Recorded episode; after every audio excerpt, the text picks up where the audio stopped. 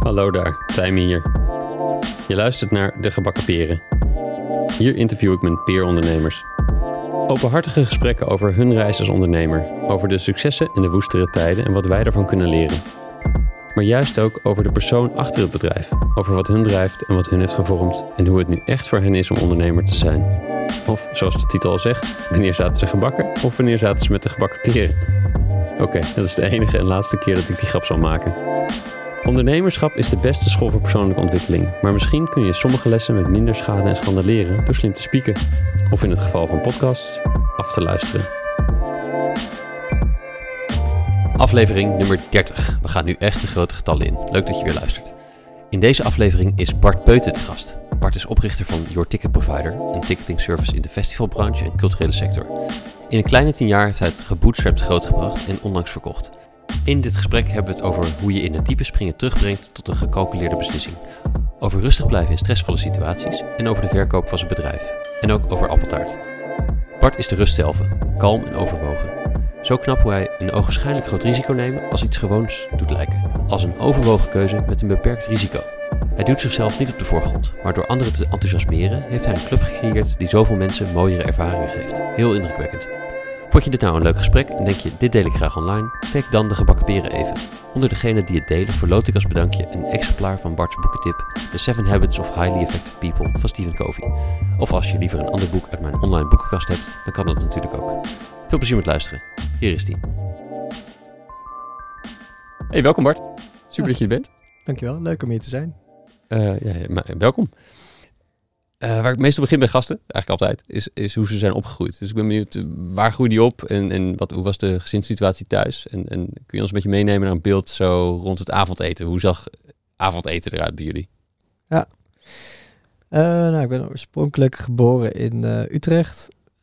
daar niet heel veel van meegekregen. Want toen ik een jaartje of vier was, toen zijn we verhuisd naar Bunnik. En daar eigenlijk mijn hele jeugd gewoond. Basisschool gedaan. Uh, naar de middelbare school in Utrecht gegaan, maar wel in uh, Bunnik blijven wonen. Uh, ik heb een broertje, twee halfbroers, maar die zijn een stuk ouder, dus die woonde al niet meer bij ons. Waar het een eerder gezien van een van je ouders? Ja, ja van ja, eerder vrouw van mijn vader. Mm -hmm. wel heel leuk contact, dus we zien elkaar best, best wel veel.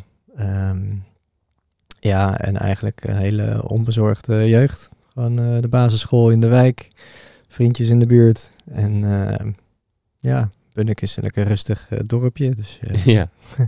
en, hoe, en, en, en, hoe, zag de, hoe, zag de scène rond het, rond het eten eruit? Hoe, hoe was de dynamiek aan tafel en zo? Ehm, ja, leuke vraag. Um, ja, mijn... kijk, eigenlijk altijd wel met z'n allen gegeten. Um, ja, mijn vader die uh, werkt op de universiteit. Dus die was altijd wel redelijk op tijd uh, thuis. Mijn moeder ook. Dus was eigenlijk best wel relaxed. Werkt allebei bij de universiteit? Uh, ja, mijn moeder in het begin wel. Die is daarna sportlessen gaan geven. En toen ook minder gaan werken toen, toen wij geboren waren. Ja. Dus we hadden verder ook niet echt opvang. Zij was eigenlijk gewoon altijd wel smiddags uh, thuis. Of op de woensdagmiddag als we uit school kwamen. Ja, ja, ja. En uh, ja, toch wel anders dan nu. Met, met alle opvang en BSO. En, ja, ja, precies. Dat, eh, dat was, ik heb het gevoel dat het allemaal wel heel uh, relaxed was eigenlijk. Ja. Hoe was jij als kind? Rustig. Altijd wel iemand die een beetje de kat uit de boom kijkt. Ik zie nu precies hetzelfde ook bij uh, mijn zoontje gebeuren. Dat is ook wel heel grappig om, ja. om als een soort spiegel te zien. Ja, dat doen kinderen, ja. En ja, ik was altijd wel heel anders dan mijn broertje. Mijn broertje was ook de reden dat we uiteindelijk uh, naar Bunnik zijn verhuisd. Want die uh, begon over van de balkon af te klimmen bij, uh, oh, ja. in Utrecht op, op drie hoog. Ja, dat is, dat is niet ideaal. Dus van, nee, dit is niet zo handig. Oh, wow. En, en mij konden ze gewoon in de box neerzetten en dan bleef ik dan gewoon vier uur zitten. ja, wat grappig. En ook, en ook wat deed jij als, als, als kind? Iets ouder, zeg maar, buiten de box? ja, iets ouder. Um, we zijn altijd wel heel erg gestimuleerd om te sporten. Dus mijn moeder die was ook altijd wel bezig met sport en spel, uitleen en sportlessen. Dus we hadden altijd een garage vol met allemaal sportattributen. Ja. En uh, toen stonden er ook niet zoveel auto's in de straat. Dus toen hebben we nog heel vaak uh, ja, met een bal op straat gespeeld. En met hockeysticks en met uh, paaltjes en hesjes en pionnetjes en eigenlijk alles wat je maar kan verzinnen. Ja, ja, ja. Ehm, ja, eh, dat soort dingen. Dus dat eh, best wel veel. Ik vond altijd spelletjes ook wel heel leuk. Kaartspellen, dat kregen we van, eh, van mijn broers heel veel mee. Oh ja. Dus die waren eh, ja, dus een jaartje of 15 ouder, denk ik. Dus ja, die zaten al een beetje in een andere levensfase. Dus die leerden ons goocheltrucjes en kaartspellen. Oh, vet. En, eh, ja, ook veel eh klaverjassen, harten jagen. Ja, ja, eh, precies. dat soort eh, spelletjes. Oh, wat goed. En hoe, hoe ging school je af? Hoe, hoe is dat daar? Eh, best eh, oké. Ja, ik heb, eh, ik heb gewoon mijn huiswerk eh, gedaan. En eh, ja, een klein eh, klasje. Ik denk dat we 16 eh, leerlingen in de klas hadden toen wauw. op de basisschool. Ja, ja, ja. Wel gedeelde klassen, dus groep 7, 8 bij elkaar, Ja. of 5, 6 bij elkaar. En dan nog een kleine klas, zeg maar. Dus het is echt een uh, Dus ja, samen was het 30, maar dan had je nog wel... eh, Ah, op die, op die Ja. fiets. Ja, ja. Ben je nog ergens een beetje gaan rebelleren? Want Je, bent, je komt er heel erg rustig over, zeg maar. Hè? Dus eh, ook hoe je als kind beschrijft en eigenlijk ook nu nog. Is- hoe ging de middelbare schooltijd? In de middelbare schooltijd? Ehm, ja, de middelbare schooltijd... eh, ik zat op de middelbare school in Utrecht. Ja. En ehm, ja, wij waren wel een beetje de, de restklas. Dus eh, Hoe bedoel je dat? ja, je had altijd per eh, regio of gebied... werden kinderen ingedeeld in de klas. Oh ja. Dus je had de klas met mensen uit Utrecht... een deel uit Utrecht, verschillende wijken. En dan had je een klas met mensen uit Beeld over de Beeld. En dan had je een klas met mensen uit Maarsen en omgeving. Ja. En wij zaten dan, omdat we, wij waren met z'n tweeën uit Bunnik eh, in die klas. En eh, de rest was dan een beetje samenraapsel van mensen die waren blijven zitten. En een, eh, uit andere kleine dorpjes Oh ja. eromheen. Ja. Dus daar, daar zaten wel wat, ja, wat klasgenootjes die, die er gewoon geen zin meer in hadden. Of die het niet aankonden. Of die waren blijven zitten en die zich verveelden. Ja. Dus daar werd wel af en toe wat gereld. Ehm, ja, hoe ging ik daarin mee? Ja, een beetje van de zijlijn. Ook aanschouwend. Ja, ook een beetje aanschouwend. Ja, ik heb ook wel eh, aardig wat klaverjaspotjes gewoon eh, tijdens de Nederlands les gedaan. En eh, op een gegeven moment werd er ook gewoon ingezet. En gingen we spelen voor punten. En elke punt was 10 cent en dat soort dingen. Ja. Dus dat was wel grappig. Maar ja, niet heel veel verder dan dat eigenlijk. Hoe ging het verder op school? Ging je qua, gewoon qua, cijfers? Dat is wel, ik bedoel, het is nu niet zo relevant, maar het, het- in die weer, op, op dat moment eh, is dat eh, vrij groot. Ja, eigenlijk ook wel goed. Ik was een beetje... Ja, het is niet zo dat ik er niks voor hoefde te doen. Mhm. Ik had een paar klasgenootjes die hoefden echt helemaal niks te doen. Oh ja, Of zo deden ze in elk geval overkomen. Dus altijd de vraag of dat dan ook echt zo ja, is precies. Ja. Ik had ook klasgenootjes die zo lui waren dat ze hun moeder cassettebandjes bij de dove en de blinde bibliotheek eh, lieten halen. Omdat ze geen zin hadden om de boeken te lezen. Oh wauw, ja, dat was de optie natuurlijk. Ik weet Ja. nog wel dat we een eh, cd'tjes kregen in die tijd met, eh, met uittreksels en zo, ja. Ja, ja, nee, dus ik heb, ehm, ja, ik heb gewoon mijn, mijn huiswerk gedaan. Het ging goed. Ik hoefde verder niet echt de bijlessen te hebben. Dus ik kon daarnaast ook nog een beetje sporten en nog wat vrienden zien. Ja. Dus dat ging eigenlijk wel, wel goed. Ja, ja. En later gaan studeren in Utrecht. Ja, ik heb toen ehm, inderdaad nog even getwijfeld of ik naar eh, Enschede zou gaan of, eh, of naar Utrecht. Wat had je, wat had je naar Enschede getrokken? Ja, daar was ook een informatica-studie, of Mm. informatiekundestudie was dat toen destijds. Ja, En dat was eigenlijk alleen daar of in Utrecht. En toen twijfelde ik een beetje, vind ik het leuk om weer in Utrecht te zitten of wil ik een keer heel wat anders? ja. Eh, op zich was dat ook prima, maar toen was er dus ook informatiekunde in Utrecht. En het, het leven daar was eigenlijk ook wel aantrekkelijk. ja. Dus toen ben ik in Utrecht eh, gaan studeren. En ook daar gaan wonen op een gegeven moment. Ik heb eh, na mijn middelbare school eerst nog een jaartje rondgereisd in Australië Oh ja. en Nieuw-Zeeland. Dus dat was eigenlijk... eh, Wat trok je die kant op? Ja, ik zat op een gegeven moment bij een, eh, een vriendje van de middelbare school, klasgenootje. En zijn zus, die had dat net gedaan. Oh ja. Ja, die was super enthousiast. En die had allemaal foto's en verhalen. Ja, ja. En toen zaten we elkaar zo aan te kijken van, nou, dit is eigenlijk wel een goed idee. Australië is ook niet moeilijk om er goed uit te laten zien. Op zo'n moment. Ja, Ja. dat klopt. Ja. En eh, nou, toen was er eh, nog een ander klasgenootje, wilde ook wel mee. Dus uiteindelijk zijn we toen met z'n Ah. drieën eh, gegaan. Ja, grappig. Ja. Dus in retrospect denk ik ook van al die dingen hadden me heel erg aangesproken. Eh, maar ik, ik, ik had gewoon geen optie. Ik, ik zag die dingen niet om me heen. Zeg maar. Dus dan, dan bedenk je het niet uit Nee, jezelf. En Bij dan- mij hetzelfde hoor. Ik had Ja. er zelf ook niet aan gedacht. Ehm, maar dan kom je natuurlijk thuis. En dan is de vraag, hoe reageren je ouders? Want Ja. het is nog wel een ding om een jaar eh, weg te gaan als je Ja. 18 bent. Op dat moment voel je jezelf al heel volwassen en eh, Mm. kan je alles aan. Ja, misschien intussen zijn die gap years wat meer ge- geaccepteerd of zo qua, qua, qua, qua bestaan of qua normaalheid of zo. Ehm, maar dit, dit is ergens rond 2001 geweest of zo. Ja, ja 2000, 2001 inderdaad. Dus ehm, ja, ik vond het leuk om dat thuis te vertellen. Ik was heel benieuwd. Ja, hoe ging dat? Ehm, ja, verrassend goed. Eh, maar ik had het ook wel een beetje verwacht. Mijn moeder die is een jaar eh, naar Amerika geweest toen ze 16 was. Oh ja. Dus die, ik weet al een beetje wat je daarvan kan leren. En ook hoe je dan als persoon eh, kan groeien. Ja, En eh, ja, dat is nog steeds denk ik het leukste jaar in mijn leven eh, geweest. Ook. En ook qua persoonlijke groei. ja, wat heb je er allemaal meegekregen dan? Ja, is gigantisch veel. Te veel om, eh, om hier nu allemaal te vertellen. Ja, kun, je, wat vertellen? Maar, ehm, nou ja, de verantwoordelijkheid, zelfstandigheid ook wel om... eh, ja, je, moest echt, je moest het zelf eh, redden. Ja. Maar ook het gewoon op jezelf aangewezen zijn en in een groepje eh, van A naar B komen. Of een bepaald doel bereiken. Ja, jullie gingen met z'n drieën, zei toch? Of zoiets? Ja. Drie, vier? Ja, Ja, met z'n drieën. drieën. En dan moet je toch opeens besluiten en zo. En, Klopt. En dan eh, merk je dat de een, eh, bij de een is geld op op een gegeven moment. En dan ga je zeggen, ja, wat ga je dan doen? Ga je dan met z'n allen werken? Of ga je dan door omdat je het zonde vindt van de tijd? Ja.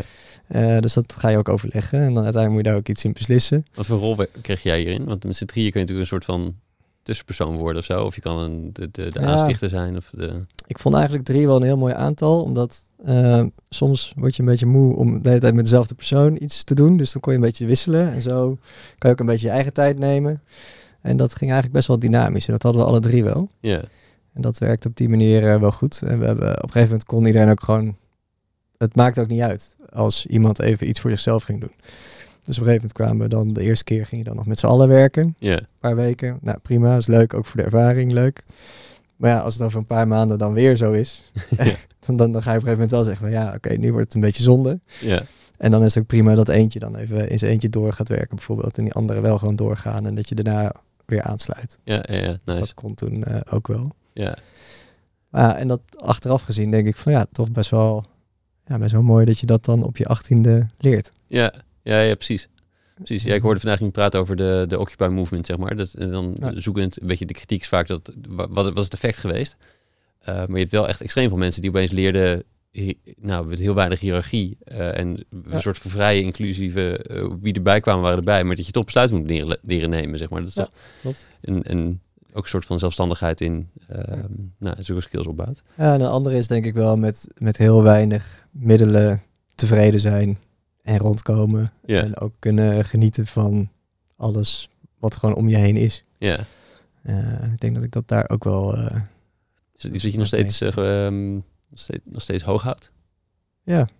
ja, ik denk als ik nu zo terugkijk en als ik, als ik zie hoe ik het bedrijf ben begonnen en hoe we het gerund hebben. Ja. Ja, dat is wel echt bootstrapped en een beetje op die manier ook. Ja, precies. Hey, had, jij, had jij in je, toen je opgroeide, had je, waren er mensen om je heen die onder, ondernemer waren? Of die, die Eh, nee, eigenlijk niet. nee, dus dus, eh, je had niet vroege voorbeelden waarvan je keek van, eh hey, wacht eens even later, zus en zo? Nee. Hoe is, dat na, hoe is het na je studie gegaan? Je bent eerst natuurlijk een tijdje bij- voor, voor bedrijven gewerkt. Maar Ja. toch ook wel een tijdje zelf- zelfstandig volgens mij. Klopt. Dus hoe, hoe, neem ons even mee in die, in die stappen. Ja, nou, ik heb wel... Kijk, tijdens mijn basisschool, groep 8, toen eh, ben ik al... eh, ben ik begonnen met een kleine appeltaart business. ik had een eh, recept van mijn oma gevonden, ergens in een kookboekje. Niet gepatenteerd. En, Oei, oei, oei. nee, dus toen had ik een, een appeltaart gemaakt voor mijn verjaardag voor de docenten. Voor de leraren in groep 8. Dus die, nou, die vonden het zo fantastisch. En die kwamen daarna naar me toe. Van ja, kan je er niet eentje volgende week maken voor het docentenoverleg? Oké. Dus ik zei, ja, dat is goed. Dat is vijf gulden. En eh, toen Was, was, dat het antwoord, was dat het antwoord waar ze ook op, op Ja, wat ze verwachten? Ja, dat was, eh, was prima. Ja. Eh, dus toen was het er één en toen werd het er nog één. En toen had iemand anders ook wel zin in zo'n appeltaart. En nou ja, op een gegeven moment was ik er, nou, ik denk een stuk of nou, tussen de vijf en de tien per week aan het maken. Oh ja. Eh, en het boodschappenlijstje van mijn moeder, die werd steeds langer. Je had, En, eh, je, had je kosten had je nog redelijk neutraal gehouden voor jou, maar Ja, zeker. Ja, ja. Dus op een gegeven moment waren de fietstassen vol met, eh, met appels en met bloem en suiker. En toen zei mijn moeder op een gegeven moment, ja, leuk en aardig, maar nu ga je het mezelf inkopen en regelen. ja. Eh, dus heb ik ook een tijdje gedaan en toen werd het er, ja, toen heb ik denk ik wel mijn eerste paar honderd gulden gespaard. Eh, en daar mijn stereotoren van gekocht Kijk eens aan. destijds. Ehm, ja, dus dat is denk ik wel de eerste eh, aanraking met ondernemen. Ja, precies. En, wat maakt dat je, dat je iedere keer dacht, nou, ik ga nog een taart bakken? Ehm, ja, op een gegeven moment ben ik wat, eh, wat flyertjes gaan maken, uit gaan printen, gewoon door de bussen gaan doen. En er kwam weer wat uit. En toen kreeg ik vragen van, ja, ja, ja, ik wil eigenlijk wel een taart aan iemand geven. Dus toen heb ik wat cadeaubonnen gemaakt en eh, konden mensen cadeaubonnen kopen. Ja. En dan laten we inwisselen en zo. Zo kwam dat een beetje op gang. En hoe lang, heeft dit, hoe lang heb je dit gedaan? Uh, een jaartje, denk ik. Zo. Want de brugklas kwam ook, of tenminste de middelbare school kwam er ook een keer op een Ja, gegeven dus aan. toen eh, ben ik gestopt ook. Ehm, tijdens de middelbare school eigenlijk niet. Even te denken. Nee, toen, toen niet heel veel. Nee, en Bakker Bart bestond al, dus dat wel ingewikkeld. Ja, ja, anders was het dat geworden, denk Ja. ik. hadden we, hadden jullie op een andere manier gekend. ook, ook een, eh, ja, ook wel leuk eh, geweest. Ja. Nee, en toen gaan studeren. Eh, gewoon eigenlijk het standaard pad. nog een jaar bestuur tussendoor gedaan Mhm. bij mijn master. Dus na mijn bachelor gestart met onderzoeksmaster, eerste jaar. Ja. En toen kreeg ik de kans om te gaan proberen om nog een bestuursjaar te doen. Toen dacht ik, ja, dat is ook wel een hele leuke kans eh, om dat een keer te doen. ESN hebben we het nu over, toch? Ja. Ja, ja precies. Dus dat was dat jaar. Eh, ook een fantastisch jaar gehad. En toen daarna ook nog een jaar eh, mijn master afgemaakt. Ja. Daarna begonnen bij een consultancyclub. Dus eigenlijk kwam dat voort uit mijn afstudeerstage. Toen kwam ik in gesprek met iemand en die zei, nou, dit is misschien deze club wel leuk. Kleine groep met consultants. Ja, Eh, ook nog even bij Deloitte eh, zo'n traineeship gedaan.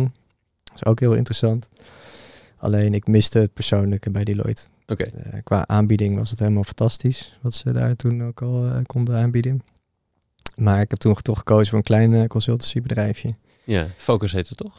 Ja, het zat in Vught. En ehm, daar een aantal leuke projecten gedaan bij ehm, eh, grote corporates en, en ziekenhuizen. Ja, Toen nog heel naïef dacht ik met de dashboarding dat we de ziekenhuizen wel wat efficiënter konden maken. jij maakt een soort informatiesysteem of in, of business informatieachtige dashboards Ja, maakte je. Ja, dus ik had Business Informatics eh, gestudeerd. Ja. En eh, ik was ook BI-consultant daarna geworden.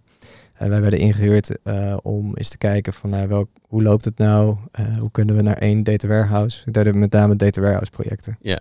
Dus hoe kunnen we de, de verschillende bronnen koppelen om eenduidige informatie aan het management aan te kunnen leveren? Ja, En eh, super interessant, want je komt met alle facetten van zo'n organisatie in ja, ja, iedereen moet iets met IT. Klopt. En eh, heel veel verschillende stakeholders. Dus eh, van de mensen die het invoeren tot en met de board die Ja. de cijfers moet hebben. Ja. Je krijgt wat mee van de strategie en je krijgt wat mee van de KPI's. En ja, echt een hele boeiende tijd. Ja, Ehm, en dat heb ik een vier, vijf jaar gedaan. En toen kwam ik wel een beetje tot de conclusie van eigenlijk, we zijn heel veel data aan het verzamelen, of in elk geval aan het voorbereiden zodat het verzameld kan worden. ja, Alleen op het moment dat je er echt iets leuks mee kan gaan doen en echt met die business aan de gang kan gaan, dan ben je klaar als consultant en dan eh, ga je er weer uit. ja, precies. En dat vond ik een beetje zonde. Dus toen dacht ik van ja, volgens mij zit daar wel meer in voor mij en vind ik dat gewoon leuker om te doen. Ja, precies. Zon, zonder voor, voor de klant bedoel je? Of bedoel je omdat je denkt dat je dat beter kon? Of dat je er gewoon daar... eh, Wacht even, het wordt eindelijk leuk. Eh, dat laatste. Ja, dit, Ja. dit wil ik doen. Ja. Ja, ja, ja, dus ik vond het leuk om daarover mee te denken en te kijken van hé, hey, wat zien we dan en hoe zou je dat dan kunnen verbeteren? Of hoe kan je dan ervoor zorgen dat de OK-bezetting van 25% naar 50% gaat, bijvoorbeeld door Ja. het iets slimmer in, in te delen. ja. dat soort dingen. Ehm, ja, dus ik merkte dat ik daar wel behoefte aan had om daar meer met die informatie eh, te gaan doen. ja. En eh, toen kwam ik op het idee om ehm eh, eenmanszaak te starten om websites te gaan optimaliseren. Dus met name voor het MKB. Ik zag dat heel veel van die ondernemers, dus dan heb je het over de aannemer en de schilder en de hoogwerkerverhuurder. Nou, die hadden een hele platte website waar je ook helemaal niks mee kon. Nee, precies. Echt een soort visitekaartje was dat. dit, dit is 2012 of zo. Ehm, Kijk hoe wat de staat van het internet toen was, zeg maar. Een beetje, een beetje in die richting. nee, eerder nog. Eh, zit je op 2010, denk ik, zo'n beetje. Ja, ja, precies. Ja. Dus toen eh, had je nog van die hele lelijke sites waar je dan gewoon één platte pagina had met dat contactgegevens. Ja. En dan, eh, ja, dat was het dan maar. Want Ja. iedereen moest wat met de website. En, en hoe, hoe bedacht je dat je dit ging doen? Want het is niet per se een verlengde van die businessinformatie slimmer gaan gebruiken. Eh, nou ja, ik, eh, ehm, ik was toen aan het kijken van ja, welke, op welke plekken heb je de informatie al en kan je daar dus echt iets mee doen. Ja, En toen kwam ik bij Google Analytics uit. Ik denk, ja, Google, Google verzamelt superveel informatie over die websites. En die kan je al best wel makkelijk gaan analyseren. Van, hé, waar komen mensen vandaan? Wat komen ze op je, op je website doen? Wat, wil, ja, wat wil je dat ze daar gaan doen? Een, eh, een brochure downloaden? Of hoeveel kliks? En welke, wat vinden ze interessant? En dat vond ik wel leuk om daar, eh, daarin mee te kijken. ja, precies. In ieder geval een, een, een stap om, als, als, om voor jezelf mee te beginnen en dan ook met dit, zulke dingen aan de slag te kunnen gaan voor een klant. En dat was best wel laagdrempelig, want ik had ook niet zoveel nodig. Dus ik had een Google Analytics opleiding gedaan. Ja, En ehm, ja, toen ben ik daar op die manier een beetje mee eh, gestart. Ik had natuurlijk ook wel mijn, eh, mijn huidige werk nog. Ehm, dus ik ben toen op een gegeven moment wel naar mijn baas gestapt. Eh, ja, dat vond ik best wel een lastig moment. ja, Want ja, ik had gewoon een vast contract. En Een goed salaris en een auto en een telefoon. En eh, ja, dat is een beetje die consultancy tijd waar Ja, alles ja, ja. nog eh, kon. Ehm, maar ik merkte gewoon dat ik wel ook iets zelf wilde gaan doen. ja, Dus ik heb dat toen gewoon voorgelegd. Eh, en ik had het idee dat hij gewoon zou zeggen van, nou ja, oké, succes, neem maar ontslag en zoek het maar uit. ja, Maar de reactie was heel anders en hij vond het hartstikke leuk om te horen. Hij zegt, ja, ik zag het eigenlijk al aankomen. Oh, oké. en ehm, Je dacht dat je zo'n pokerface had. ja, inderdaad. Ehm, dus toen vroeg hij van, heb je al een businessplan? Ik zei, ja, nou, toevallig heb ik die al wel eh, gemaakt. Hij zei, oh, als je het leuk vindt, kunnen we wel even samen naar kijken. Nou, dus hij vond het ook echt leuk om een beetje te helpen en, eh, eh, en daar wat vragen over te stellen. Een beetje te helpen met de oprichting ook. En toen hebben we afgesproken dat we dat qua tijd 50-50 gingen doen. Die opdracht die ik had, die liep nog wel, maar die werd wel wat rustiger. Ja, Dus voor hem ook en de klantenrelatie was het wel fijn als ik gewoon eh, nog een eh, jaar lang of zo, eh 50% ja, het is wel mooi hoe je zo'n eh, soort, eh, soort opstartperiode hebt kunnen weten creëren op zo'n manier. Ja, en daarnaast kon ik dan gewoon zelf opstarten. Ja, Eh, ik heb ook vaak mensen gehoord die het juist heel anders willen doen. Dus die zeggen van ja, ik heb focus nodig. Het is gewoon alles of niks en ik ga er vol voor. Ja, dat kan ook. Maar voor mij heeft dit wel eh, goed gewerkt. ja dit is ook, en dit, dit klinkt ook als een... Ik ga er vol voor, klinkt vaak als je een bedrijf... Is vaak gehoord als je een bedrijf gaat beginnen. En dit, en dit klinkt als je, alsof je een eenmanszaak als freelancer projecten... Ja. je- Ja. Dat moet gewoon een beetje opbouwen. En dan, dan hoef je ook niet eh, alleen maar dat te doen. Dat, dus dat, Ja. eh, Ja, dus dat ging eigenlijk wel, wel goed. ja. Ja. En hoe is dat verder gegaan? Dus je moest dus klanten gaan, gaan verzamelen opeens voor de eerst. Behalve de appeltaarten. De, eh, hoe- ben je deze keer aangepakt? Eh, ja, uiteraard zelf ook een website gemaakt. en wat, wat eh, Google Ad eh, budget erop gezet. Oh ja.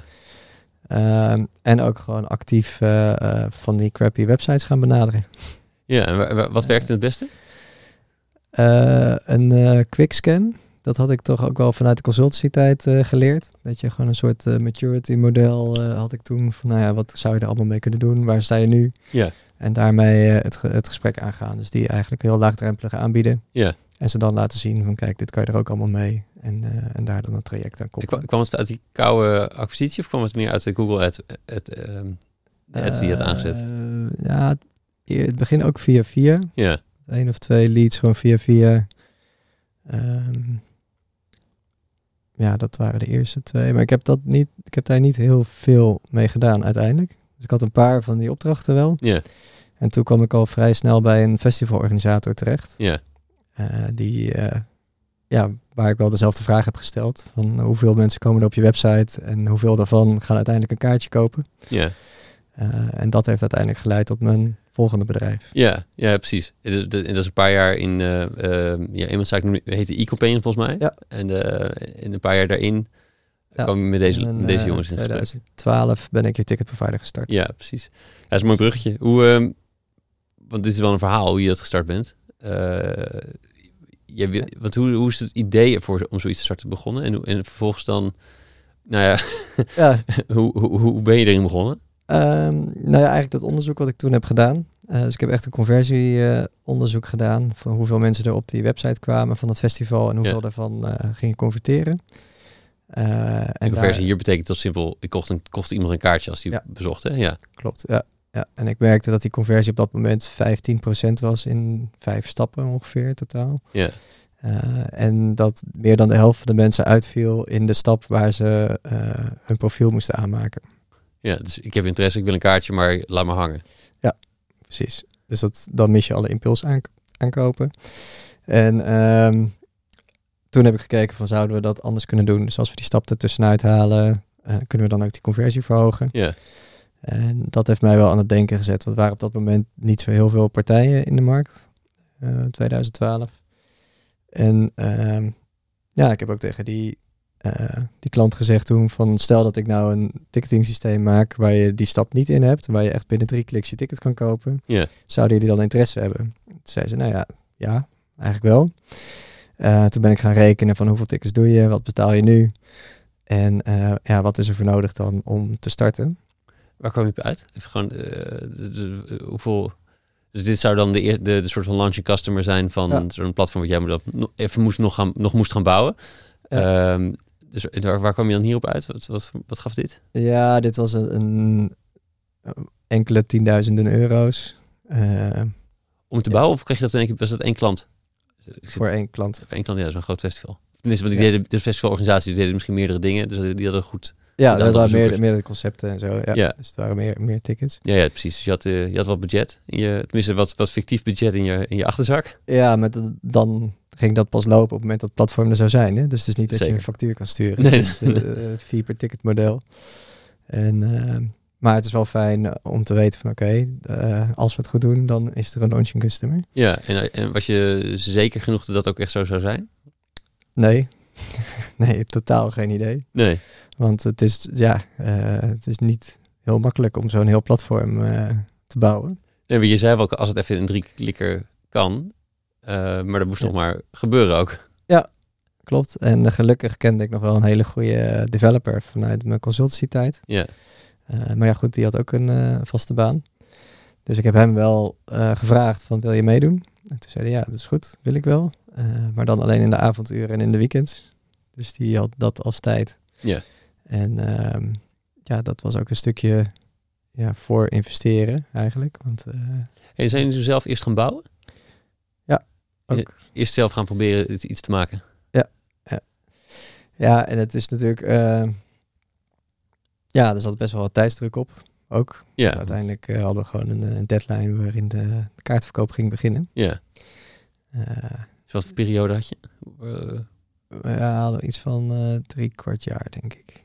Van, van De hey, heb je, zou, zou dit wat zijn voor jullie? Na het vorige festival zo'n analyse gemaakt. Hé, hey, wacht eens even, hier gaat van alles Ja. mis. Eh, als ik dit nou heb voor je, wil je dat hebben? En daar hadden ze interesse in. En tot drie kwart jaar totdat de kaartverkoop voor de volgende editie rondging.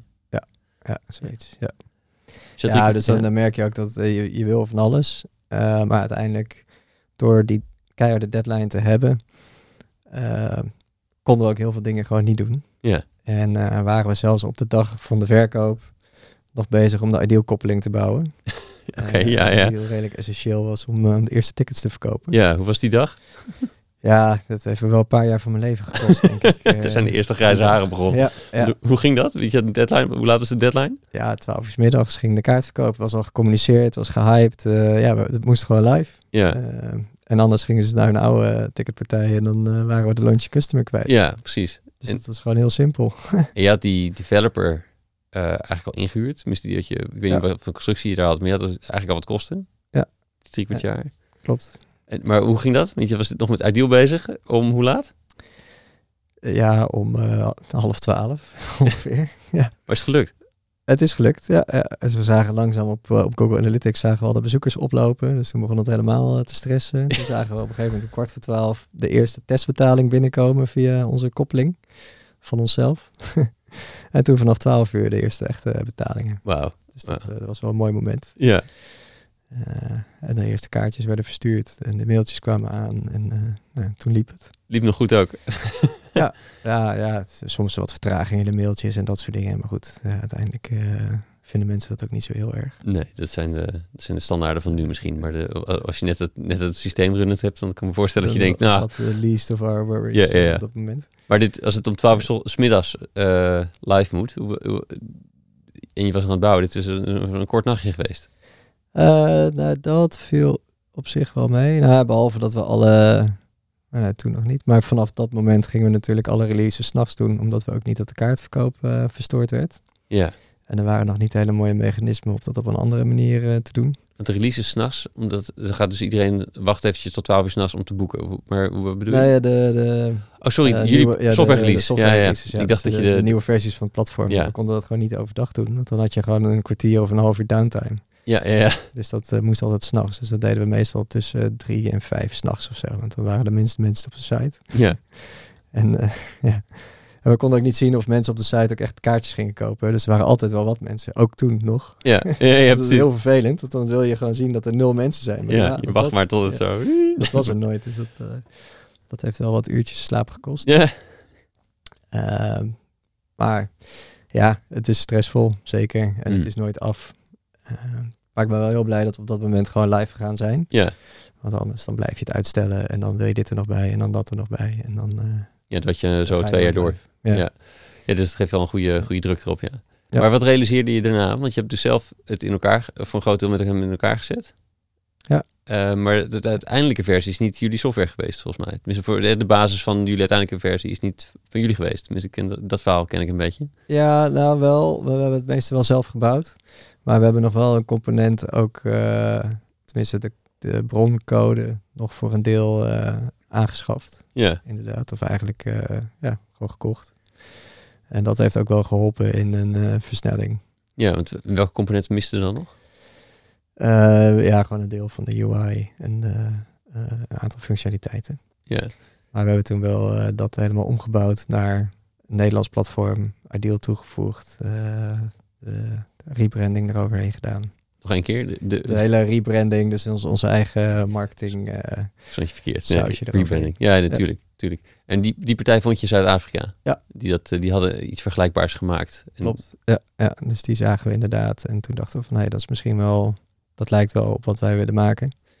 En dat klikte eigenlijk wel goed met die partij. Dus daar hebben we best wel een goede relatie eh, mee opgebouwd. Ja, En nog een aantal keer wat functionaliteiten geswapt ook. Dus dingen die we hadden gemaakt die zij in hun markt wel konden gebruiken en andersom. ja.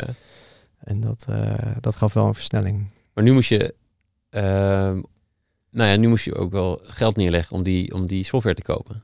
Ja. Ehm, en je had wel wat, wat launch customers. Hoe, hoe ging je afweging daar?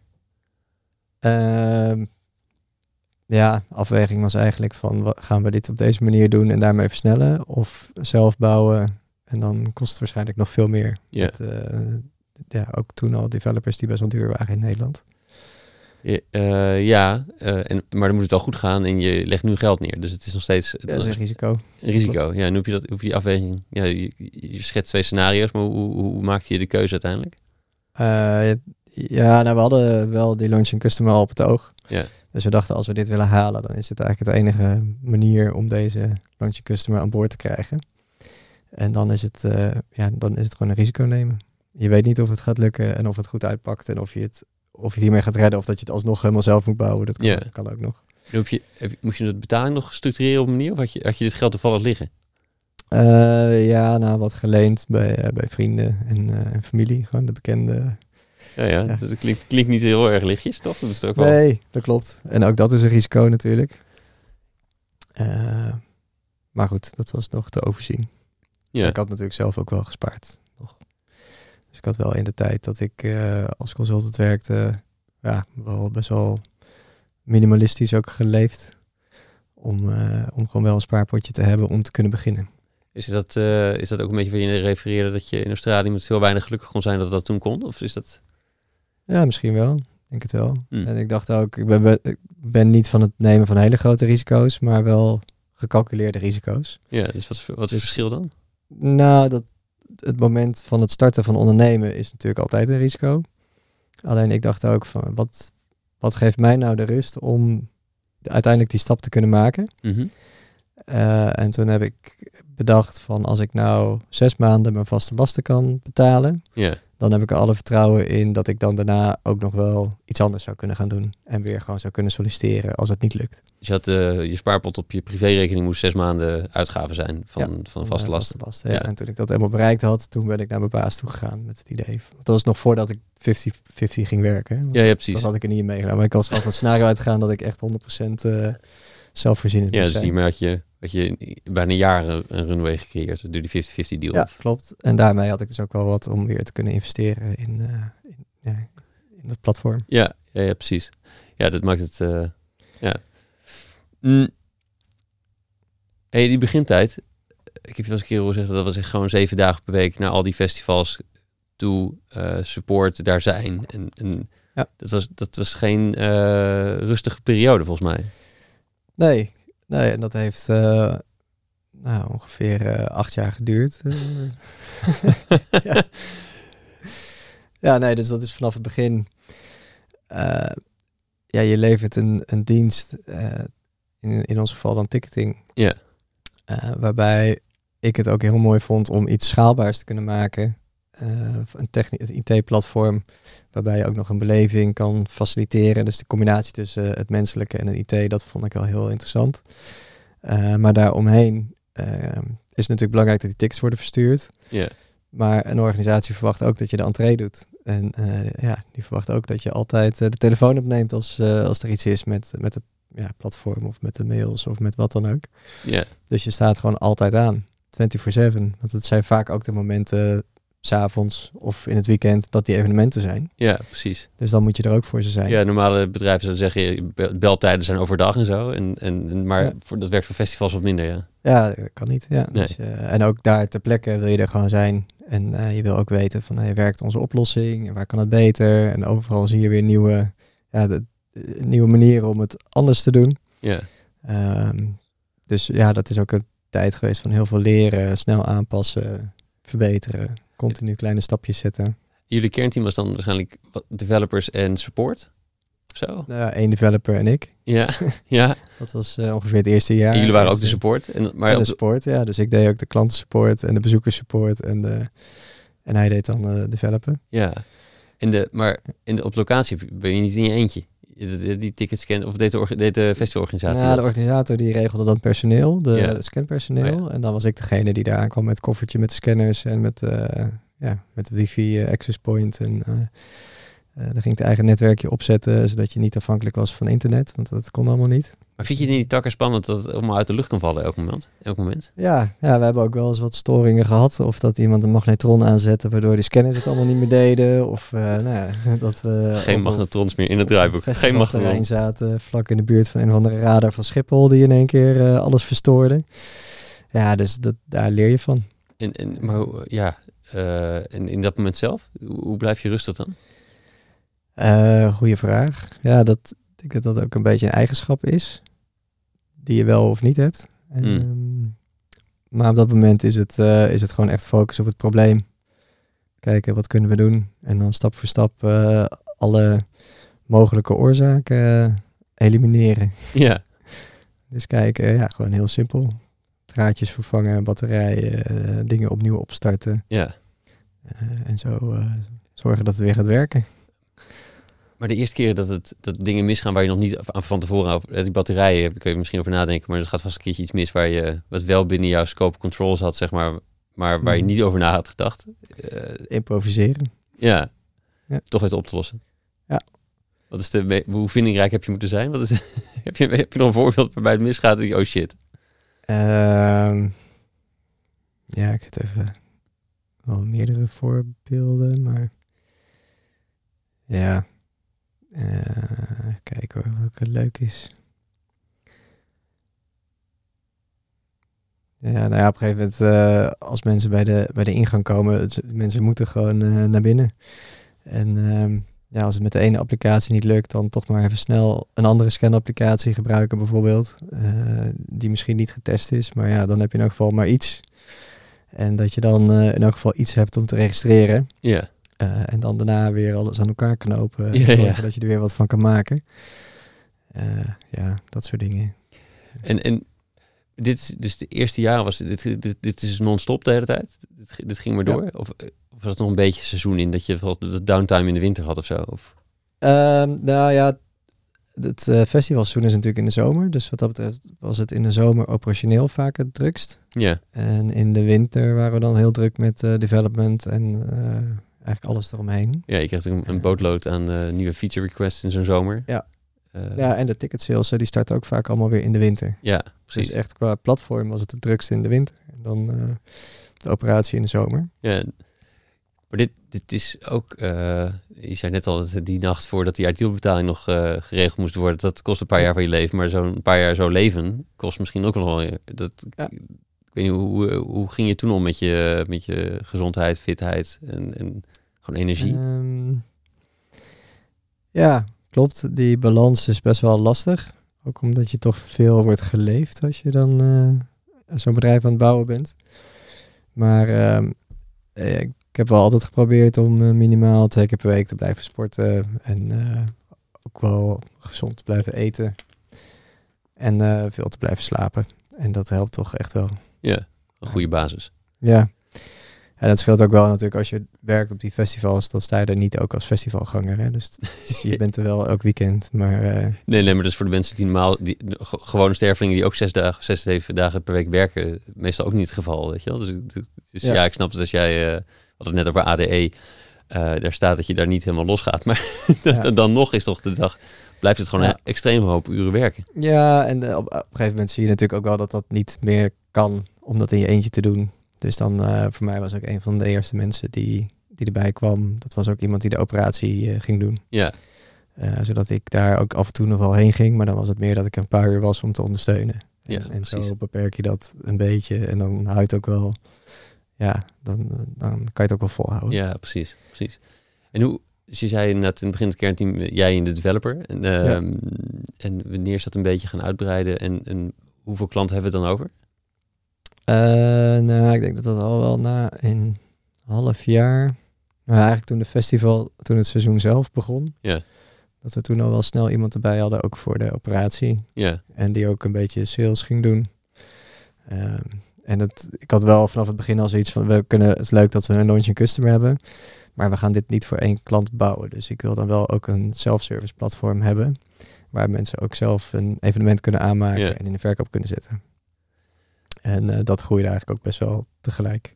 Dus doordat we die launching customer hadden, zagen ook veel anderen weer dat wij ticketing deden. Ja. Uh, want we hadden ook overal onze naam op elk ticket gezet. Dus dat was wel een mooie reclame. Ja.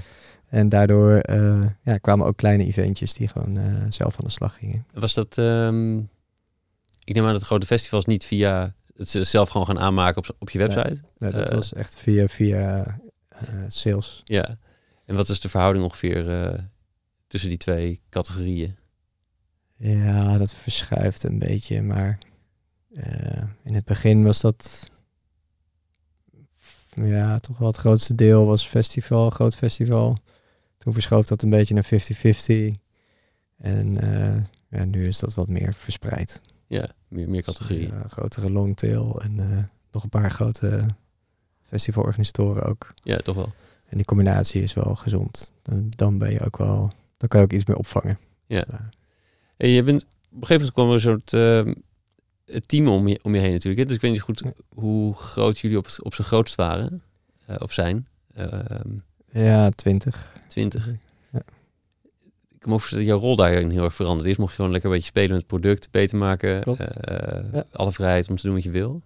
Ja. In overleg met je developer, et cetera. Maar de, hoe, hoe ben je daarmee omgegaan met die transitie van... ik, ik ik ben een productontwikkelaar meer, mm -hmm. en nu ben ik opeens manager van een, van een toko. Ja, ja, ik weet nog wel heel goed, de developer die is heel lang nog freelance uh, geweest, dus die mm -hmm. stond ook niet echt op de loonlijst. Ja.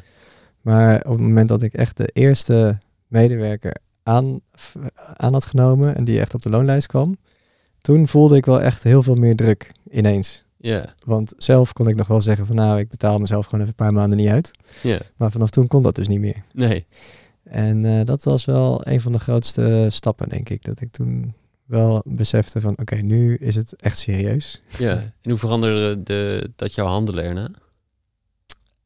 Um, ja, eigenlijk wel positief. En dat was ook een van de lessen die ik van mijn oude baas had gekregen. Die zei ook van een van de grootste fouten die ondernemers maken op het moment dat het iets slechter gaat, is zichzelf niet meer uitbetalen. Hij zei, dat, je moet hem omdraaien, want dat betekent gewoon dat je meer moet verdienen. Ja. En, uh, want op het moment dat je ook daarop gaat bezuinigen, en ja, dan is het gewoon een neerwaartse spiraal. En op het moment dat ik dus iemand had aangenomen, ja, toen lag de lat ook gelijk een stuk hoger. En toen hadden ze iets van, oké, okay, nu, nu gaan we ook echt gas geven. En dan had ik ook weer ruimte om meer sales te gaan doen. Ja. En dat heeft er wel voor gezorgd dat we ook echt zijn gaan groeien. Ja, precies. Ja. Als je zelf, als je gaat beknibbelen op je eigen salaris, dan ben je eigenlijk problemen aan het vertragen meer dan dat je het oplost. Ja, en eh, plus dat je eigen motivatie eraan gaat. Ja, Terwijl dat het belangrijkste is om het te laten groeien. ja. Eh, dus nee, ik ben heel blij dat ik toen die les heb gekregen. En dat, eh, nou, dat merkte ik toen ook echt wel toen ik iemand had aangenomen. Toen kon ik ook niet meer anders. Toen ben je in wat, wat, wat, wat, wat had je toen te doen? Sales. Ja, Ja, gewoon zorgen dat we volume gingen krijgen op het platform. ja. Want het is natuurlijk een platform, het is schaalbaar. Dat, dat is heel leuk. Iedereen wil altijd een schaalbaar iets. Maar dat betekent ook wel dat je marges vaak laag zijn. En dat Mm. je eerst een hoog volume moet hebben voordat het echt rendabel wordt. ja. Dus dat was het belangrijkste, was gewoon eh, volume. Meer festivals erbij. Ja. Ja. Laten we ook de cultuurhoek ingaan. Hè? Ja, dat eh, begonnen we inderdaad met festivals. Eh, toen hebben we nog wat sportevenementen ook erbij Mm. gekregen. Dus obstacle runs onder andere. ja. Ook Een, een beetje iets andere niche. Ja, Ehm, en op een gegeven moment hadden we ook wel wat geplaceerde verkoop. Dus eh, mensen die eh, eh, ja, een klein theatertje hadden en dan wat stoeltjes wilden verkopen. ja. Ja, dat ging ook nog wel goed. Maar die vragen die werden steeds ingewikkelder. Dus heb je ook abonnementen, heb je ook ja, reeksen, kortingen, aansluitingen met podium cadeaukaart, noem het allemaal maar op. ja. Afrekeningen met gezelschappen en zo. Nou, dat hadden we allemaal niet. En toen ben ik ook een beetje op de markt gaan kijken. Van hoe ziet die markt eruit? Hoe groot is die? Welke spelers zijn er? Wat bieden die allemaal? ja. En zodoende kwam ik bij een partij terecht eh, die een heel uitgebreid platform had gebouwd. eh, met al die functionaliteiten erin. En nog veel meer waar ik überhaupt nog niet over na had gedacht. Ehm, en toen kwam ik weer voor een keuze te staan van ja, we kunnen dit zelf bouwen. Dan zijn we weer twee jaar of drie jaar verder. En heel veel euro's verder. Zij ook. Eh, Want ze staan Ja. niet stil. Klopt, inderdaad. Of we gaan gewoon het gesprek aan en we kijken of we de krachten kunnen bundelen. Dus toen heb ik in 2018 uiteindelijk eh Get a Ticket overgenomen. Mhm. Platform wat echt gespecialiseerd is in theater, ticketing en, eh, ja, en podia ook. Dus, eh, schouwburgen en zo. Ja, Ehm, en toen konden we dus ook de, de klantenservice combineren en development opschalen. Ja, toen hadden we ook een bredere propositie. ja. En daarmee hebben we nog, eh, ja, ze hebben nog verder kunnen ga- gaan groeien. Had je daarvoor, eh, hoe dacht je daarvoor na over de opties, zeg maar? Dus je, je zag dat je schaal moest maken. Ehm, ja, misschien gaat het nergens heen, maar ik had het idee dat je in die tijd ook wel aan het zoek, een beetje zoeken was. Hoe, hoe, hoe, hoe, draai ik, hoe, ga ik hier, hoe, hoe draai ik de, de, de boot een beetje de goede kant op? Ja. Wat zijn mijn opties nu? Eh, Ja, ik, ik stond daar op dat moment ook een beetje gewoon eh, alleen aan het roer natuurlijk. En ik was wel een beetje zoekende en ik keek af en toe ook wel een beetje jaloers naar andere start-ups waar je twee co-founders had. Ik denk, Mm. dat is ook wel lekker om af en toe gewoon even te kunnen sparren met iemand over waar je heen gaat. In plaats van dat je zelf allemaal knopen doorhakt en hoopt dat het de goede is. ja, Ehm, dus ik was daar een beetje naar op zoek van hoe ga ik dat eh, doen. En toen kwam ik terecht bij een accelerator programma. Dus eh EO Accelerator. Ehm, waar ik eigenlijk heb gezien van hey, het maakt eigenlijk helemaal niet uit in welk hoek je zit of wat je doet. Maar in bepaalde fasen komt iedereen gewoon hetzelfde tegen. En het doel was dan ook eh, ja, om iedereen binnen drie jaar naar hetzelfde doel eh, te krijgen. Eh, en dat heeft me ook wel heel erg geholpen eh, daarin. Dus Daar had je een clubje om wel mee, wel mee te sparren. ja, dus had ik een clubje met ondernemers die in hetzelfde, dezelfde fase zaten. Ja, Allemaal andere bedrijven. Eh, het was echt verboden om eh, business met elkaar te doen. Dus dat vond ik eigenlijk ook wel heel ja, verlichtend eigenlijk. Dat was ik niet gewend bij andere ondernemersclubs. ja, Maar dit was gewoon puur gero- of, eh, gericht op groei van het bedrijf en jou als persoon. ja. En dat heeft mij heel veel geholpen om inderdaad die volgende stappen te zetten. En uiteindelijk ook om na te denken van eh, hoe kunnen we nog verder groeien. Wat weer heeft geleid ook tot die overname. Ja, precies. Nog eventjes over... Ja, daar komen we natuurlijk zo op. Ehm, en, die, en die stappen die je te zetten had, wat, had je daar, wat waren de dingen die je te leren had dan? Eh, ja, heel breed. Dus eh, meer structuur aanbrengen, een stuk persoonlijke groei, het definiëren van, van de core values, van wat, wat zijn we nou eigenlijk, stip op de horizon zetten, eh, mensen daarin meekrijgen. Mhm. Dus eigenlijk op al die vlakken. Van alles wat gaat over, ik deed in mijn eentje, ik weet alles. Dus, dus ik hoef niks over te dragen naar Ja.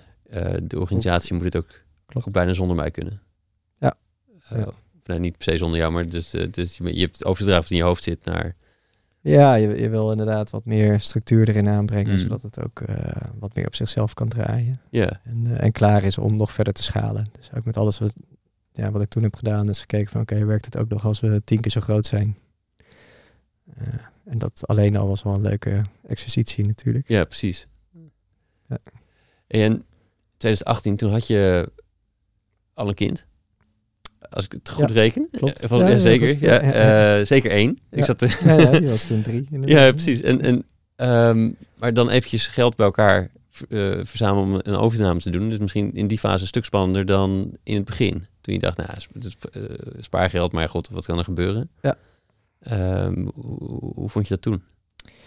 Eh, ja, dat klopt. Dat is ook heel anders. Dus dat was toen ook niet mijn geld meer. ja. Want dan ga je toch ook andere dingen... ja, ook, zijn ook gewoon belangrijk. Mm.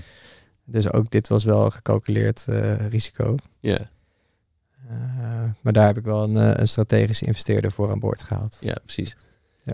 ja. En, en ja, je, je, het was niet jouw geld maar ook dus de, het risico voor thuis, maar ook het, het eh, je had opeens een club. Eh, Ja. eh, dus dit, met, met, met mensen op de loonlijst. Eh, Ja.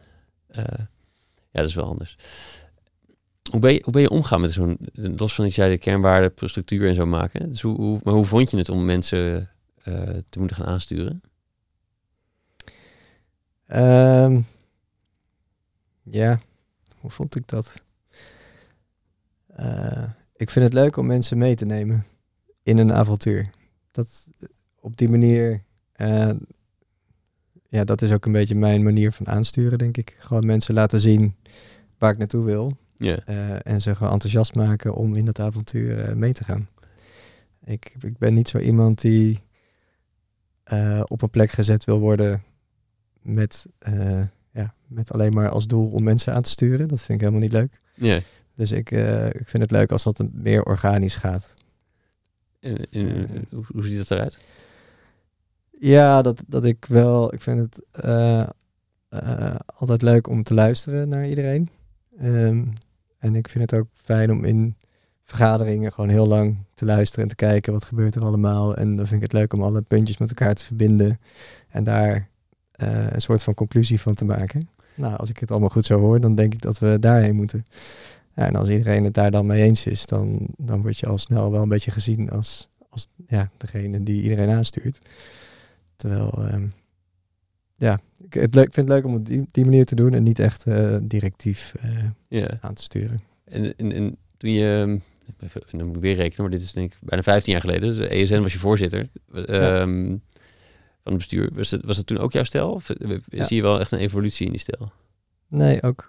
Ja, Nee, precies. zo. Ik heb me nooit... eh, ja, ik, ik vroeg me ook af of ik wel op die voorzittersrol moest eh, solliciteren op dat moment. Mhm. Eh, en toen ben ik een soort van overgehaald om dat wel te doen. ja, Eh, maar uiteindelijk, eh, ja, was dat ook wel mijn stijl. Om gewoon met z'n allen kijken van waar willen we dit jaar naartoe. Eh, en iedereen in zijn kracht laten en dan gewoon luisteren wat iedereen te zeggen heeft. En daar proberen de consensus uit te halen. ja, ja, precies. Eh, wat, eh, wat dreef je eigenlijk in, in, in de tickets? Het, het klinkt ook gewoon, het- je kan het ook heel plat staan, zijn, zijn, zijn kaartjes en zijn zo. kaartjes, maar ja. wat, wat maakte dat je, dat je daar zo, dat je toen je die, het is los van het probleem zien dat je misschien een oplossing voor hebt, maar wat, Mhm. wat maakte dat je echt dacht, dit avontuur wil ik aangaan toen je het startte? Eh, de combinatie van IT en mens. Dus eigenlijk ook wat ik toen als informatiekunde vond ik dat al leuk. Ik Ja. vond alleen IT vond ik te droog. Alleen bedrijfskunde vond ik ja, te weinig technisch. Dus die com- die combinatie vond ik toen al leuk. En met tickets kwam dat eigenlijk samen. Dat het is, eh, je kan een platform, het is heel direct. Dus ook je impact is heel direct. Je maakt iets, het wordt gebruikt. En je helpt de mensen mee naar een festival. En je maakt die reis eigenlijk alleen maar leuker. Ja, Dus je zorgt ervoor dat mensen zonder drempels dat kaartje kunnen kopen en gelijk door kunnen lopen. ja, En niet al gefrustreerd worden. Eerst worden ze helemaal lekker gemaakt. Heb je zin om ergens heen te gaan? Ja. Dan koop je een kaartje en dan lukt het niet. Ja, spring even door de drie super- hoepels. Ja, heel irritant. Dus dat vond ik ook wel leuk om dat op te lossen. En daarmee dus ook die brug te zijn tussen, eh, ja, tussen een ervaring en, eh, en de technologie. Ja. Dat op een slimme manier in te zetten. ook. En waar, waar gaat het nu heen? Dus we komen zo meteen, nee, misschien komen we zo op terug, denk ik. De, de, want er zitten natuurlijk dus een paar, paar, paar momenten tussen. Je hebt je rol van, ehm, ik motiveer mijn team door een stip op de horizon te schetsen. Raakte misschien wel een beetje van slag anderhalf jaar geleden. Toen, toen opeens eh, Ja. de, de, de boel helemaal eh, Ja. corona erin hakte. Ehm, hoe, ik heb je horen zeggen dat het wel echt, dat ging bij jullie echt instantaan ging de boel uit. Klopt. Eh, hoe, hoe, hoe waren die, eh, hoe was dat moment? Ja, dat was heel heftig. Eh, dan leer je jezelf ook echt wel kennen. Gewoon van hoe reageer je in een eh, crisissituatie. Ja, Ehm, ook daar eh, was het echt even, ja, even alles op pauze. Even kijken van wat is nou echt het probleem. Wat is er op dit moment echt heel belangrijk? Nou, dat kwam eigenlijk neer op focus op cash. Dat was echt een van de allerbelangrijkste dingen op dat moment. Zorg dat, eh, dat alle regelingen werden aangeschreven, dat we overal voor een aanmerking kwamen, eh, dat we geen gekke dingen meer deden. Dus alles echt eventjes eh, vanaf moment één op het was nog helemaal niet nodig. Maar ja, je weet ook niet hoe lang het gaat duren. ja. Dus dat hebben we toen wel heel snel gedaan. Nee, het is zeker in jullie branche natuurlijk wel het type ingreep wat, wat, wat echt- echt heel hard kan zijn.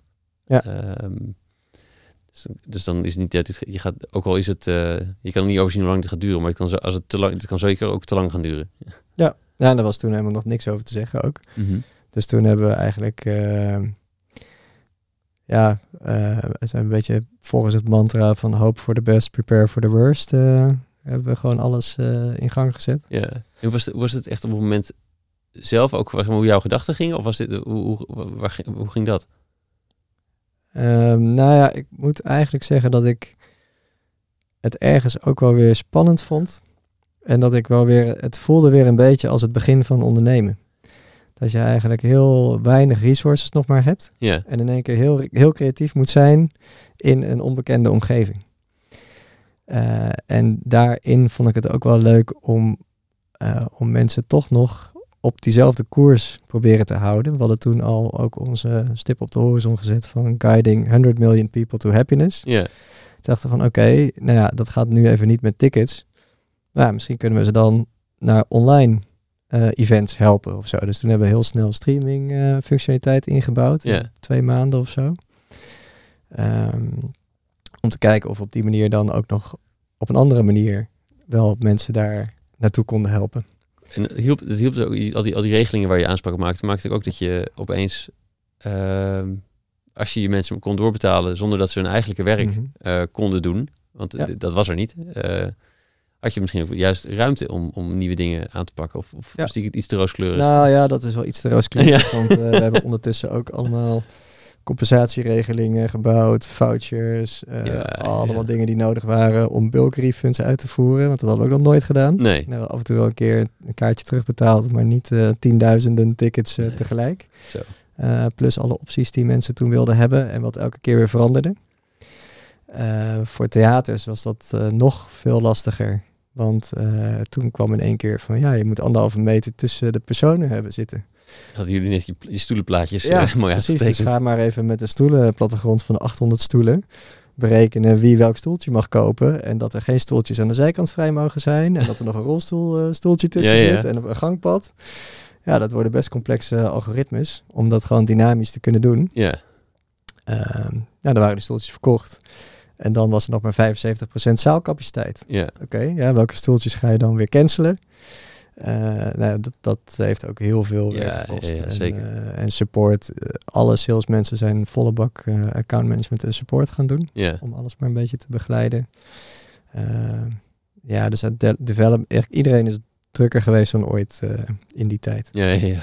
En daarnaast hebben we wel geprobeerd natuurlijk om nou ja, streaming dan als nieuw model daarnaast te zetten. Ja, omdat je daarmee begon, dacht ik, oh wacht, misschien hadden ze ook inderdaad de tijd ervoor. Maar dat, Ja, is, dat is nou, dat wel- hoopten wij ook ergens Ja, ja, ja. de eerste paar weken. En toen kwamen we er al heel snel achter van, eh, nee, dit, eh, er moet ook echt heel veel gebeuren nog om de rest eh, Ja, goed... en het klinkt dus, hoe, hoe, ja, het is een beetje, beetje gek natuurlijk, maar het klinkt ook echt alsof, alsof jij stiekem weer een beetje blij werd in de rol.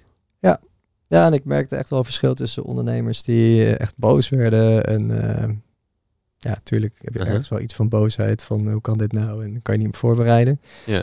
Maar die daar ook een beetje in blijven hangen en daardoor verlamd werden. En Ja. ik had juist zoiets van, nou eigenlijk voelde het wel weer een beetje als echt ondernemen. En merkte ik dat ik dat wel weer een beetje aan het missen was.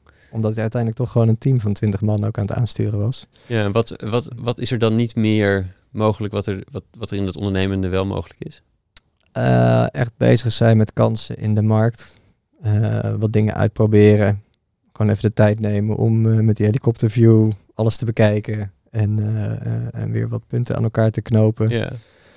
Zolang jij dat blijft runnen, blijf je toch een beetje geleefd door, de, Ja. door gewoon het bedrijf moeten runnen. Precies. En er zijn altijd wel mensen die weer wat vragen hebben of waar je even eh, ja, kan helpen of eh, gesprekjes gaat voeren, Ja. meetings, dat soort dingen. En jezelf een beetje meer misbaar maken.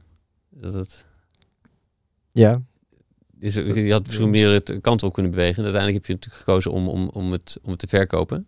Ja. Ehm, en misschien dat de, de, de, de, coronamarkt ook wel eh, iets, ik zeg, je kan meer de kant op bewegen, ook wel wat moeilijker maakt natuurlijk. Maar nou, ik was daar wel mee bezig hoor. Even los van wat er toen op mijn pad kwam, was ik al wel aan het kijken van hoe kan ik mezelf meer misbaar maken. Want Ja. ik zag al dat, ja, ik, ik had het wel gezien. Ja. Alleen door corona werd het in één keer nog extra duidelijk. ja, Eh, en, want ja, jezelf misbaar maken, dat doe je ook niet in een paar maanden. Eh, dus dat, dat kost echt tijd. ja, dan heb je ook echt de mensen nodig die die dingen van jou kunnen overnemen. Die Ja. je 100% vertrouwt in de dingen die je overdraagt. ja, natuurlijk. Eh, en dat heeft echt wel een jaar of zo minimaal nodig. Ja, voordat je in de nacht je, je, je beeld toen was, voordat corona kwam, maar dat je dus steeds meer misbaar werd voor de operatie. En dat je dus weer ruimte zou kunnen krijgen om, om die nieuwe Mhm. dingen te kunnen doen. Ja, dat was al mijn idee voor Ja. corona inderdaad. En hoe is uiteindelijk de, de verkoop op je pad gekomen? Eh, ja, dus ik had eh, ergens in 2020 eh, contact gehad eh, met, met CM, Ja. was dat toen. En dat was eigenlijk een heel leuk gesprek. Eh, we hadden het over eh, een stukje strategie. En ik, eh, ik zei al van, nou ja, corona is eigenlijk een soort pauzeknop, maar we hebben wel weer doorontwikkeld. En uiteindelijk is wel mijn visie om die hele customer journey te gaan ondersteunen met ja, voor het evenement, na het evenement. Ja, En zij hebben eigenlijk al die tools in huis. En zij wilden heel graag meer doen met ticketing en ook met theaterticketing. Dus ja, strategisch past dat heel goed in elkaar. En hadden we al heel snel zoiets van, nou, als we dit combineren, eh, ja, dan hebben we echt nog een hele veel mooiere propositie die je eigenlijk nog nergens in de markt vindt. ja, Eh, dus zo zijn die gesprekken eigenlijk gestart. En eh, ja, voor mij kwam dan als voor, voordeel ook nog erbij dat ik in dat scenario ook dus weer mijn handen vrij kon maken. ja. Om weer bezig te zijn met die nieuwe kansen spotten en het nog verder kunnen laten groeien. Maar waarom ben je opeens misbaar dan nu? Eh, eh, nou ja, raar, heel veel praktische zaken zoals een, eh, een HR-department, een finance department, legal, dat is allemaal in-house daar. Ja. Dus dat scheelt. Ja, ja, ja dat precies. scheelt gewoon ook veel tijd aan mijn kant. Ehm, ja, waardoor ik gewoon echt veel meer ruimte heb. En hoe, hoe is het... ehm, ja, god, ik, ik, ik, ik, ik benaderde je volgens mij een jaar geleden al. Toen liep het eventjes, even, natuurlijk het jaar was even gek en de, en, en de verkoop liep. Dus Ja. het, kan me voorstellen dat het, het, is ook, het gaat niet over één nacht ijs. En, en, eh, Klopt. Dus hoe is, Ja. hoe, hoe, zo'n, hoe, hoe, zo- hoe is zo'n proces? Eh, in- intensief. Eh, ja, heel intensief. Want het is een soort, ja, ook wel een soort overhoring van de afgelopen negen jaar. Ja, waarin Ja. gewoon allemaal vragen worden gesteld door allemaal verschillende personen. waarvan je denkt van ja, hoe had ik dat toen ook alweer vijf jaar geleden bedacht? Eh, Ja. Dus dat gaat best wel een tijd door, zo'n eh due diligence proces. ja, Ehm, en spannend ook wel, want ja, je, je, je weet ook niet welke kant het op gaat. Nee, want op een gegeven moment heb jij waarschijnlijk bedacht, hè, ik wil dat dit gaat lukken. En dan is een onderhandeling opeens moeilijker te stoppen. Want dan, Ehm, nou, ik heb eigenlijk vanaf het begin wel gedacht het zou mooi zijn als het lukt, want dat ik wel echt die toegevoegde waarde zie. Ehm, maar ik heb ook wel heel snel bedacht van ja, uiteindelijk het bedrijf, je ticketprovider moet toch door. mhm. Dus ik focus me gewoon op je ticketprovider alsof het niet gaat lukken. ja, Eh, want linksom of rechtsom, eh, ja, we moeten daar gewoon goed uitkomen. Ja, ik wil precies. nu niet die focus verliezen op de business. Eh, ik wil gewoon dat die business er zo sterk mogelijk uitkomt. ja. En wat maakt het dan zo spannend voor je? Nou ja, met name ook van nou ja, hoe lang gaat corona duren? Eh, maar dat was meer gewoon van eh, wat gaan we doen met eh, wanneer komt de business weer terug en hoe kunnen we ervoor zorgen dat we wel als het in één keer terugkomt weer ja, op full speed verder kunnen. Ja. Heeft dat nog iets gedaan met, met ehm, eh, je onderhandelingspositie richting, richting, richting de, de kopende partij? Ehm, nee. Nee, we hebben eigenlijk al redelijk snel in het begin waren we het er wel over eens van corona is tijdelijk. Dus we gaan het baseren op, eh, op 2019. Ja, nice. Eh, en ehm, dat scheelde wel. ja, dat Ja. kan me voorstellen, ja. Ja. ja, tuurlijk. Maar ja, dan nog weet je natuurlijk niet of het lukt. Dus eh, uiteindelijk was dat echt voor mij al best wel snel dat ik dacht van nou, we focussen gewoon op, eh, op het scenario dat we gewoon zelf doorgaan. Ja. Ehm, En dan loopt die due diligence en op een gegeven moment is dat, zijn ze klaar of zo? En, Ja. En dan? Ehm, nou ja, je krijgt ergens ook nog een, eh, een, een offer. Dus een non-binding offer. En dan ga je daarna het diligence proces in. Ja. En eh, als dat klaar is, dan ga je aan een koopovereenkomst werken. En dan ga je het hele legal stuk ga je dan in. Dus dan heb je nog heel veel discussies over 120 pagina's eh, juridische tekst. Nou, ook heel interessant om eens mee te maken. Ja, ja. Er zijn de statuten van ESN niks bij. Nee, dat klopt. Nee. en nou ja, als dat allemaal oké is, dan, eh, dan ga je daarna naar de closing toe. Ja. En ik kan me voorstellen dat, dat, dus dat zou mij denk ik het lastigst lijken dat je op een gegeven moment eigendom dus overdraagt voor iets wat je zo lang gebouwd hebt, eh, negen jaar mee bezig. Ja, Ehm, hoe is dat? ja het was inderdaad wel een gek, gek moment. Ehm, ja, met name ook omdat, we, omdat het corona was, dat het eh, op afstand was. Ja. Dus oh ik, ja. ik heb gezien hoe de eh, notaris de handtekening heeft gezet namens mij. nou, lekker wel, dit. eh, ja. Eh, dus dat was wel gek. Maar ehm, ja, ik, ik heb wel eigenlijk vanaf het begin al een heel goed gevoel gehad bij deze partij. En ik heb ook gewoon heel veel zin om met hun samen nog verder te bouwen. Dus het voelt niet als een heel eh, hard afscheid of zo. Het is echt wel een soort van zachte landing, mm mijn idee. Van oké, we zijn nu, we hebben juist heel veel meer kansen en eh, kan ik nog eens, kan ik nog veel langer doorgaan met wat ik eigenlijk leuk vind om te doen. Ja. En ja, mij maakt het echt niet zoveel uit wat er op mijn naamkaartje staat. Nee. Dus wat dat betreft vond ik dat niet zo. eh, Maar je rol is natuurlijk ook anders. In die zin, het, het toch wel, eh, die naamkaartje heeft toch ook wel invloed op de hoeveelheid invloed die je hebt. ja, die verandert een beetje. Maar aan de andere kant zit ik nog wel met hetzelfde team. En Ja. We, we- doen nog steeds dezelfde meetings. We zitten nog in het kantoor hier in Utrecht. Ja. Dus daar feitelijk is daar niet zo heel veel veranderd. Nee. En waar gaat nu je energie naartoe? Eh, ja, de dingen die ik leuk vind. Dus echt weer de denken van waar zitten de opportunities? eh, hoe kunnen we groeien in Ja. de Nederlandse markt, maar ook internationaal. Dus eh, het is nu, mijn uitdaging is nu gewoon echt om groter te denken. Ja. Echt groter te denken. Van, eh, ja, het is een, een ander speelveld nu. Ja. En wat, wat zijn de grootste veranderingen die je ziet? Die, de, de, het is een ander speelveld. Ja. Eh, nou ja, er zijn partijen die zich ook eh, teruggetrokken hebben uit de Nederlandse markt bijvoorbeeld. Mhm. Maar je gaat ook kijken wat gebeurt er internationaal. Welke landen zouden interessant zijn om, om naartoe uit te breiden. En ja, dat vind ik wel hele leuke dingen om mee bezig te zijn. Ja, ja, precies. En hoe, lang heb je hiervoor om, om, om met die, even weer leuk met die puzzel te mogen bezig zijn? Eh, ja, zolang als ik het leuk vind, denk ik. ja, Ja. ja. Maar je hebt niet een soort deadline van, of het heeft niet een soort periode ook om, om, om, om wanneer je wel weer echt een volgende stap wil zien. Nee, nee, we hebben dat gewoon heel open gelaten. We hebben gezegd van laten we gewoon kijken hoe ver we het samen kunnen brengen. En eh, eh, ja, tot nu toe gaat het hartstikke goed. Ja, mooi. Dus, Mooi. Ja. Ja, nee, het verkopen lijkt me, lijkt, lijkt me een gekke, hoe zeg je dat? Een ge- gekke bedoeling. dat is het ook. Ja, Dus eh, ja, het is wel anders. ja.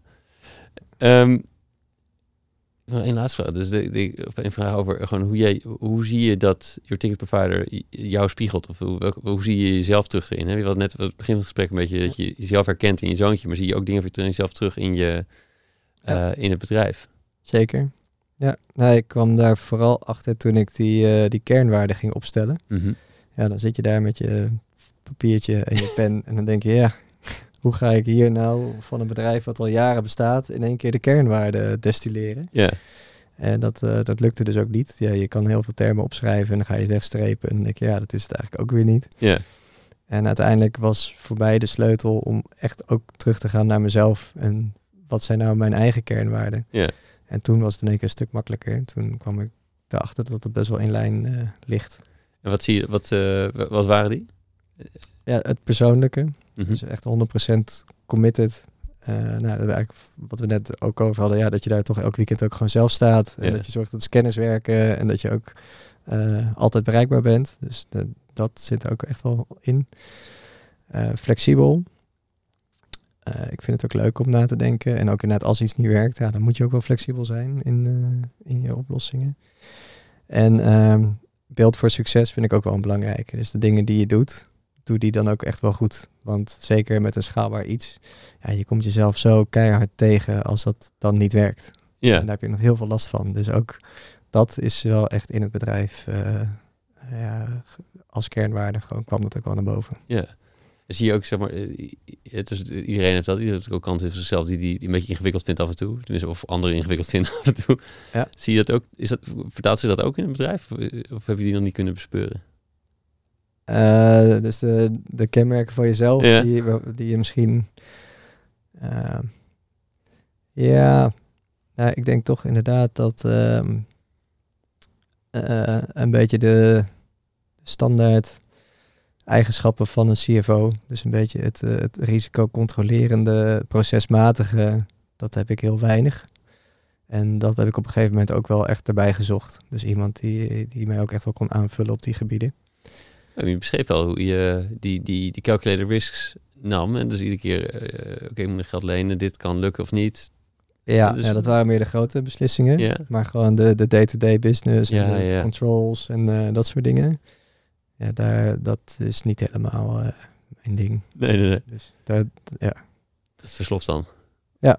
Mm. doe ik dan af en toe. En dan, eh, ja, oké. Dat is wel fijn om daar gewoon iemand voor te hebben die daar gewoon strak op zit. En, eh, en dat goed inricht. Hey, dus nou nu, nu is echt een nieuwe fase ingegaan. Ehm, als je over vijf, stel we zijn ook vijf jaar verder en je kijkt terug op nu, wat hoop je dan dat er, wat er nu gebeurt? Hè? Dus hoe, wat, hoe hoop je terug te kijken op deze tijd?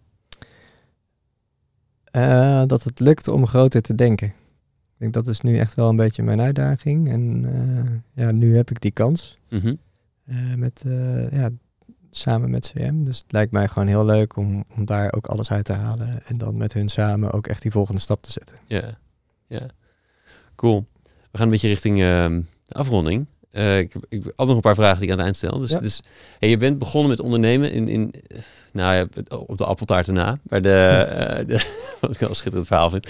Maar ehm zelfstandig worden, wat, wat heeft jou in het, in het nee, ik noem dat het ecosysteem. Dus er is, is, Mhm. is altijd een ecosysteem waar je in zit. Maar wat heeft jou in die tijd geholpen? Je noemde je baas al natuurlijk, die de optie gaf. Ja, mijn baas was echt wel de eerste trigger. Die, eh, nou, dat was ook toen wel een beetje mijn, mijn voorbeeld van ondernemers. Ja, Dat was een klein bedrijfje. En eh, ja, die was altijd ook heel erg op personeel gericht. Eh, die zei ook, ik wil nooit meer dan twintig mensen, want die passen niet samen in de bus.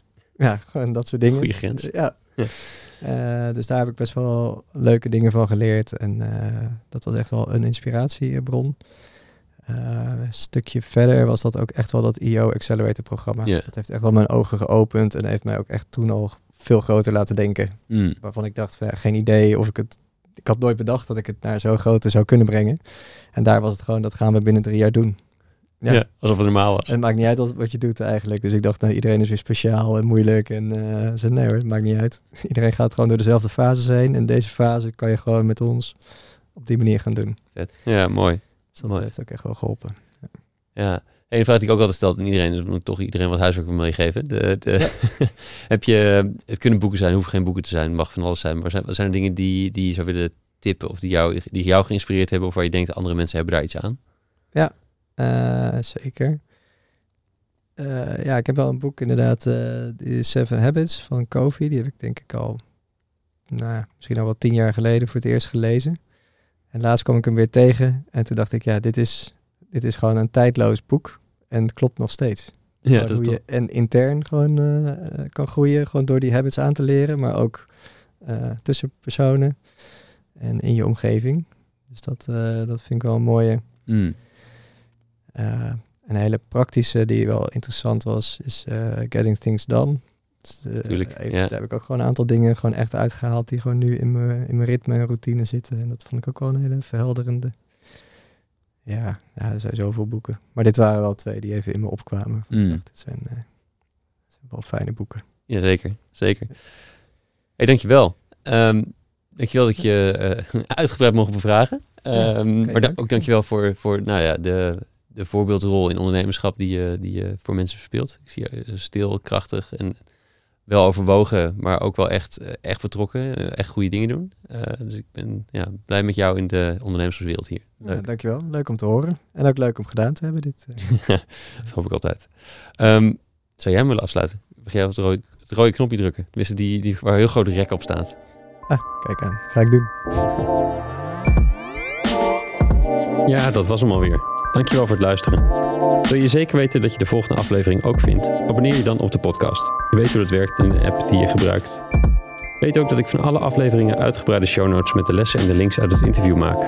Deze vind je op www.studiogeorge.nl slash podcast. En ik ben heel benieuwd hoe je het gesprek vond. Waar kon je geen genoeg van krijgen of waar zou je meer van willen horen tijdens de gesprekken? E-mail me op tijmen.studiogeorge.nl Als laatste, na elk interview werk ik één inzicht uit in een korte blog. Die stuur ik met liefde naar je inbox, gepaard met wat links die me inspireerden die week. Meld je aan voor dit Espresso Shot strategie op www.studiogeorge.nl slash shots of strategy. Allemaal aan elkaar. Heb een goede dag en tot de volgende.